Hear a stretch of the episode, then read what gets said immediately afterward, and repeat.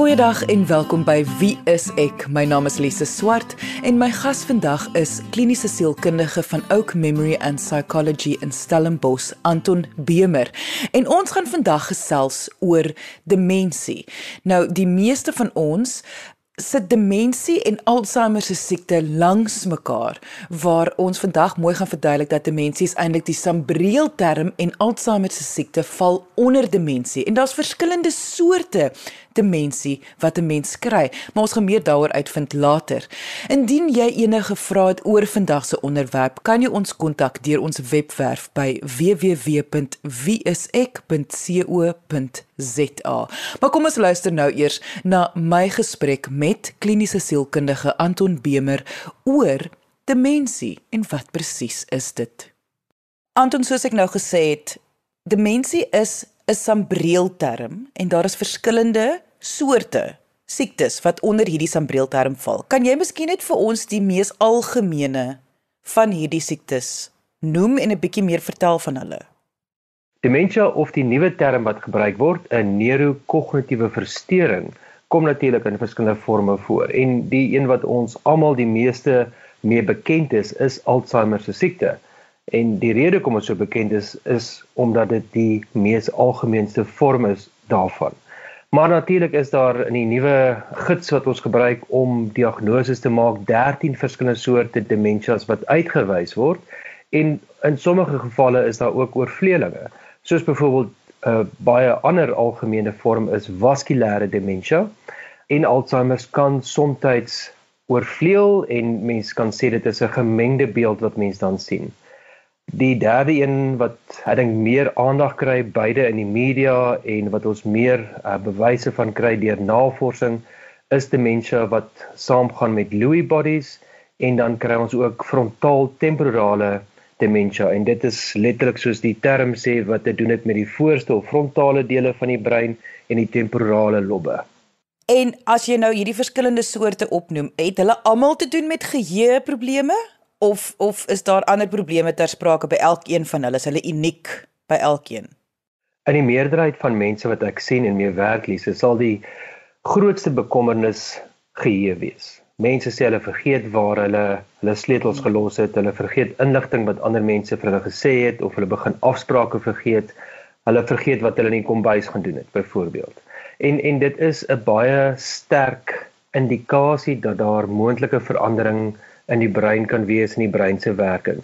Maar ek dink dit is belangrik om baie meer gedetailleerd te kyk na die simptome wat saamgaan met demensie en ek dink 'n baie belangrike nuwe kriteria punt is komplekse aandag. Met ander woorde die vermoë om vir 'n langer tyd te fokus op iets, jou inligting wat jy insamel vinnig te kan prosesseer en die kompleksiteit van wat in die oomblik gebeur werklik te kan inneem. En mense sal baie keer sê in 'n geselskap vind ek dit al moeiliker om by te hou as daar verskillende gesprekke plaasvind en dit kan 'n aanduiding wees van komplekse aandag.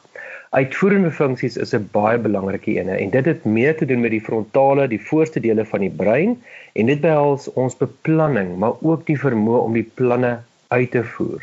Dit gaan oor besluitneming, dit gaan oor inhibisie met ander woorde om jou te stop om iets te doen wat dalk nie so goed is nie en die regte ding te doen. En dit het ook te doen wat ons noem working memory. Nou working memory is hoe jou geheue in die oomblik werk en dit oorvleuel met aandag en konsentrasie maar dit is daai deel wat jou regtig in staat stel om inligting na behore in te samel wat ehm um, jy nodig het om byvoorbeeld besluite te maak. En as ons ook kyk na geheue, dit is nie net van wat ons hoor of wat verbale geheue is nie, dit is ook visuele geheue. Dit wat ons sien, wat ons moet onthou, daai plek waar jy gewoonlik jou kar parkeer buitekant die winkelsentrum. En natuurlik die geheue komponent sluit ook in ons vermoë om te kan leer dit is nie net langtermyn geheue nie met ander woorde dinge wat jy ver terug in die verlede geleer het nie maar ook dinge wat ons nou op 'n dag tot dag basis moet leer. Taal is 'n baie belangrike aspek en taal sluit beide in om byvoorbeeld woorde te vind as jy praat met ander mense maar ook die vermoë om die regte woorde te gebruik as jy iets beskryf. So mense sal byvoorbeeld sê my vrou begin praat van daardie ding is wat sy soek daar langs die stoof. Of weet jy daai ag wat is daai ding se naam nou weer? En dit is daardie probleem om die regte woord te vind of die regte beskrywing van iets te gee maar dit het ook te doen met die vlotheid van spraak met ander woorde dis nie net die onthou van woorde en die gebruik van woorde nie maar dit is ook dat mense soms meer met 'n hakkel begin praat en die probleem kom ook in in terme van die ek wil amper sê dis die die deel van die brein wat die spiere beheer hoe woorde gesê word en hoe vloei die spraak uit jou mond uit. En natuurlik die ander deel van taal is die verstaan van taal dat jy 'n duidelike begrip het van wat mense vir jou sê. Ons kyk na visuele vermoëns, hoe akkuraat jy dinge raak sien en natuurlik ook praktiese vermoëns, hoe jy dinge kan bou of dinge kan doen En daar is sekere dinge wat ons al soveel jare en dekades doen dat dit amper outomaties kom. Maar ons sien ook wanneer 'n persoon dit moeiliker vind om sekere take te doen wat hulle altyd gedoen het. En dit kan enigiets wees wat baie kompleks is, soos byvoorbeeld om 'n spesifieke eh, kos voorberei of dit is om jou hemp se knope vas te maak. Daardie praktiese vermoë gee ons ook 'n aanduiding van die moontlikheid van demensie. En dan dink ek nog 'n verdere nuwe toevoeging is wat ons noem sosiale insig of kognisie. En dit is die bewussyn dat daar 'n probleem is. Want ek dink wat baie mense sal kan sê wat bly saam met iemand wat Alzheimer het, is dat hierdie persoon self nie bewus is dat daar 'n probleem is nie. Hulle ontken byvoorbeeld dat hulle sukkel om te onthou of dat daar ander probleme is wat 'n inbraak maak op hulle lewenstyl of die verhoudinge rondom hulle. Daai gebrek aan insig is geweldig belangrik as ons kyk na 'n diagnose van demensie. Jy luister na Wie is ek op RCG 100 tot 104 FM. En al hierdie eienskappe wat jy nou genoem het. Ek kan nou net aanneem dat dit is wat geassesseer word om 'n diagnose te maak en dat die verskillende forme of die verskillende siektes van demensie sal weergawe van al hierdie eienskappe wees wat jy nou genoem het. Jy is heeltemal korrek Lise en ek dink dit is baie belangrik dat mens moet verstaan dat 'n assessering al hierdie verskillende aspekte in gedagte moet hou. Mens kan nie net op byvoorbeeld geheue fokus nie. En ek dink ook mense vra baie keer, kan ek nie net 'n breinskandering doen om te kyk of ek demensie het nie? Maar 'n breinskandering wys vir ons hoe die brein lyk, nie hoe die brein werk nie. Dit mag wel uitwys waar daar spesifieke areas van die brein is waar daar veranderinge mag wees. Maar dit is nie noodwendig dat daardie veranderinge aandui dat daar 'n vorm van demensie is nie, want 'n diagnose, soos ek nou genoem het in hierdie kriteriapunte, word gevorm op gedrag wat verander. Met ander woorde, hoe dit na vore kom uit wat die persoon doen of die persoon se verhoudinge of hulle vermoë om hulle self uit te druk, hulle kommunikasie. Dieselfde met bloedtoetse, want bloedtoetse kan vir ons aandui of daar 'n blaasinfeksie of 'n ander tekort is wat ook kan lei tot geheueprobleme en iets anders wat ons dan ook moet uitsny is die teenwoordigheid van 'n erge depressie. Want 'n erge depressie kan geweldige impak maak op jou konsentrasie en natuurlik dan die helderheid van jou denke en jou geheue vermoë.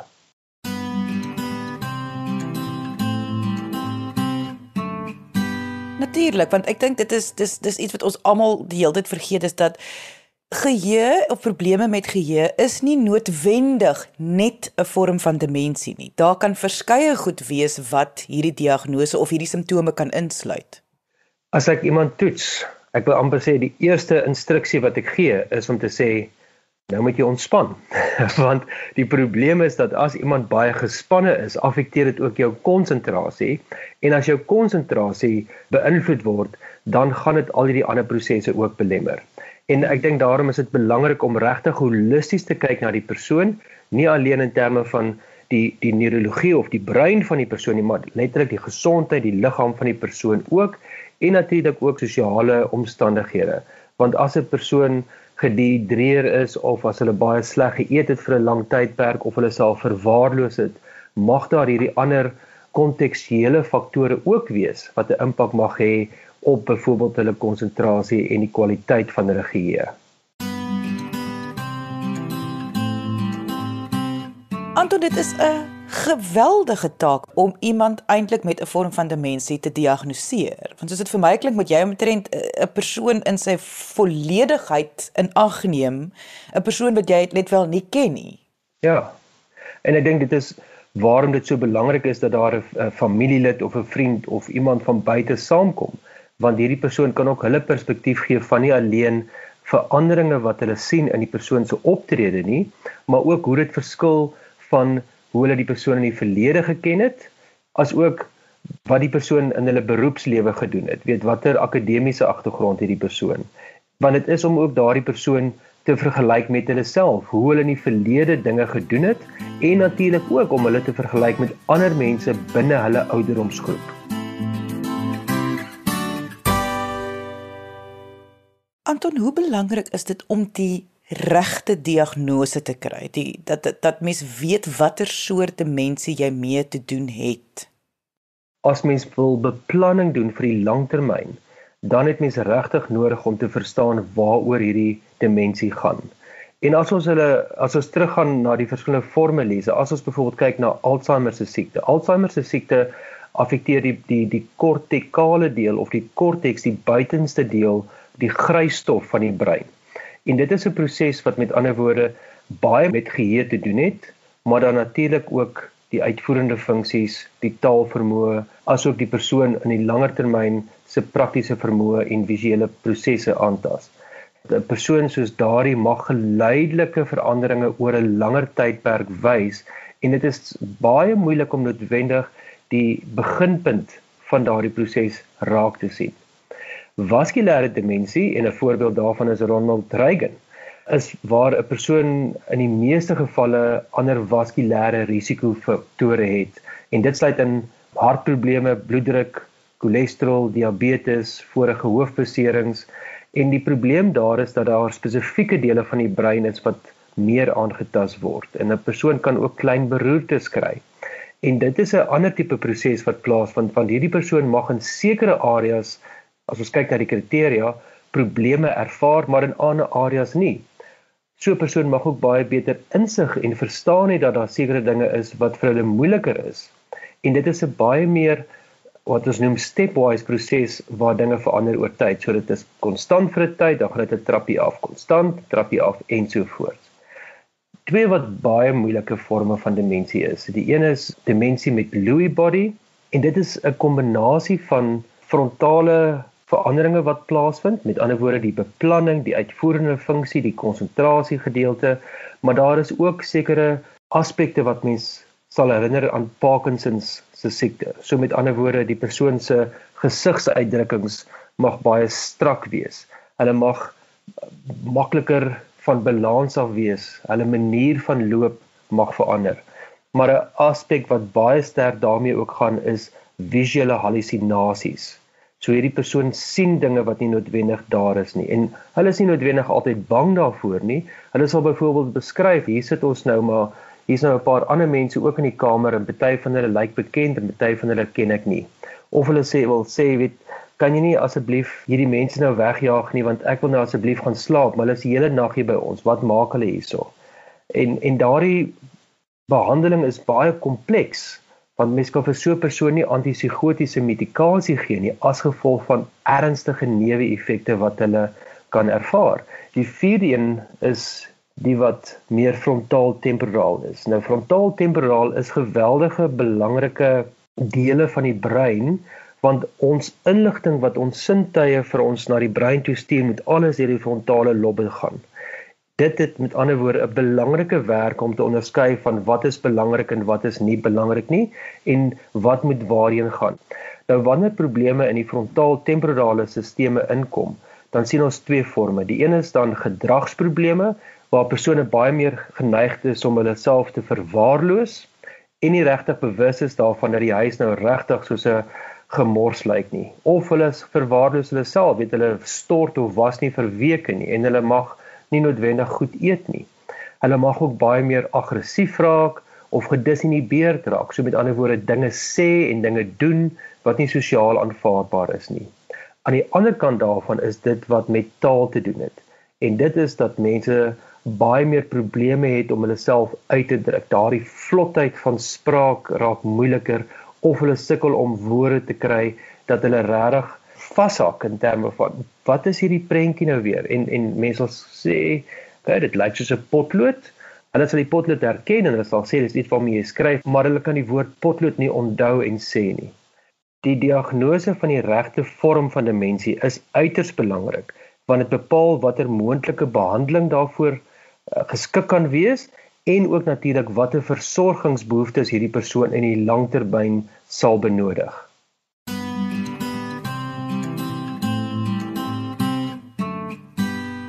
Anton, demensie is 'n neurologiese siekte. Met ander woorde, dit gebeur in jou brein. Wat presies vind plaas in die brein? Lise, as ons dit vanuit 'n ander perspektief af kyk, as dinge in 'n huwelik verkeerd gaan of selfs in 'n groot organisasie, en mens probeer identifiseer waar lê die fout, is dit baie keer kommunikasie. Daar is swak kommunikasie tussen partye of daar is misverstande of daar word sekere dinge dalk net nie gesê nie. En vir my, demensie is eintlik ook 'n probleem van interne kommunikasie. Daar is dele van die brein wat nie goed kommunikeer met mekaar nie en daardie kom ons noem dit telefoonlyne word deur hierdie siekte wat ons noem demensie afgebreek. So daar is atrofie wat plaasvind en dit is met ander woorde kommunikasie tussen breinselle wat nie meer so goed funksioneer nie of daar is hierdie uh, areas wat wat vasgekoek raak aan mekaar dat dit soos 'n visserman se vislyn is waar daar soveel koeke is dat hy nie die lyn reguit kan maak nie en dit maak die kommunikasie tussen verskillende dele van die brein moeilik. Die probleem daarmee is dat dit 'n komplekse proses is en waar mense in die verlede gesê het ja jou linker deel van die brein het net te doen met kommunikasie en agter dit ons net te doen met visie, weet ons nou dat daar baie meer kompleksiteite daaraan verbonde is as om dit net in sulke spesifieke dele op te deel en hierdie kommunikasie tussen verskillende areas van die brein, hierdie neuro pathways wat gevorm word, is geweldig belangrik om die regte inligting na die regte plekke te bring, te stoor of ook weer te laat weggaan. En dit kom dan na hmm. vore in 'n persoon se gedrag en ek wil amper sê in beide jou praatkommunikasie met ander mense, maar ook jou gedragskommunikasie met jou omgewing. So as iemand byvoorbeeld probleme ervaar om mense te herken, mag hulle geweldig angstig optree teenoor persone wat baie naby aan hulle is, geliefdes van hulle hulle mag ook soms baie aggressief raak. So die kommunikasie wat hulle uitdruk deur hulle woorde en deur hulle optrede is eintlik om hulle self te beskerm. Daar is natuurlik ook diegene wat baie meer passief raak. En en daardie passiewe ingesteldheid maak dat hulle baie meer onttrek van die wêreld rondom hulle. En soms is dit omdat hulle nie noodwendig alles verstaan wat rondom hulle aangaan nie.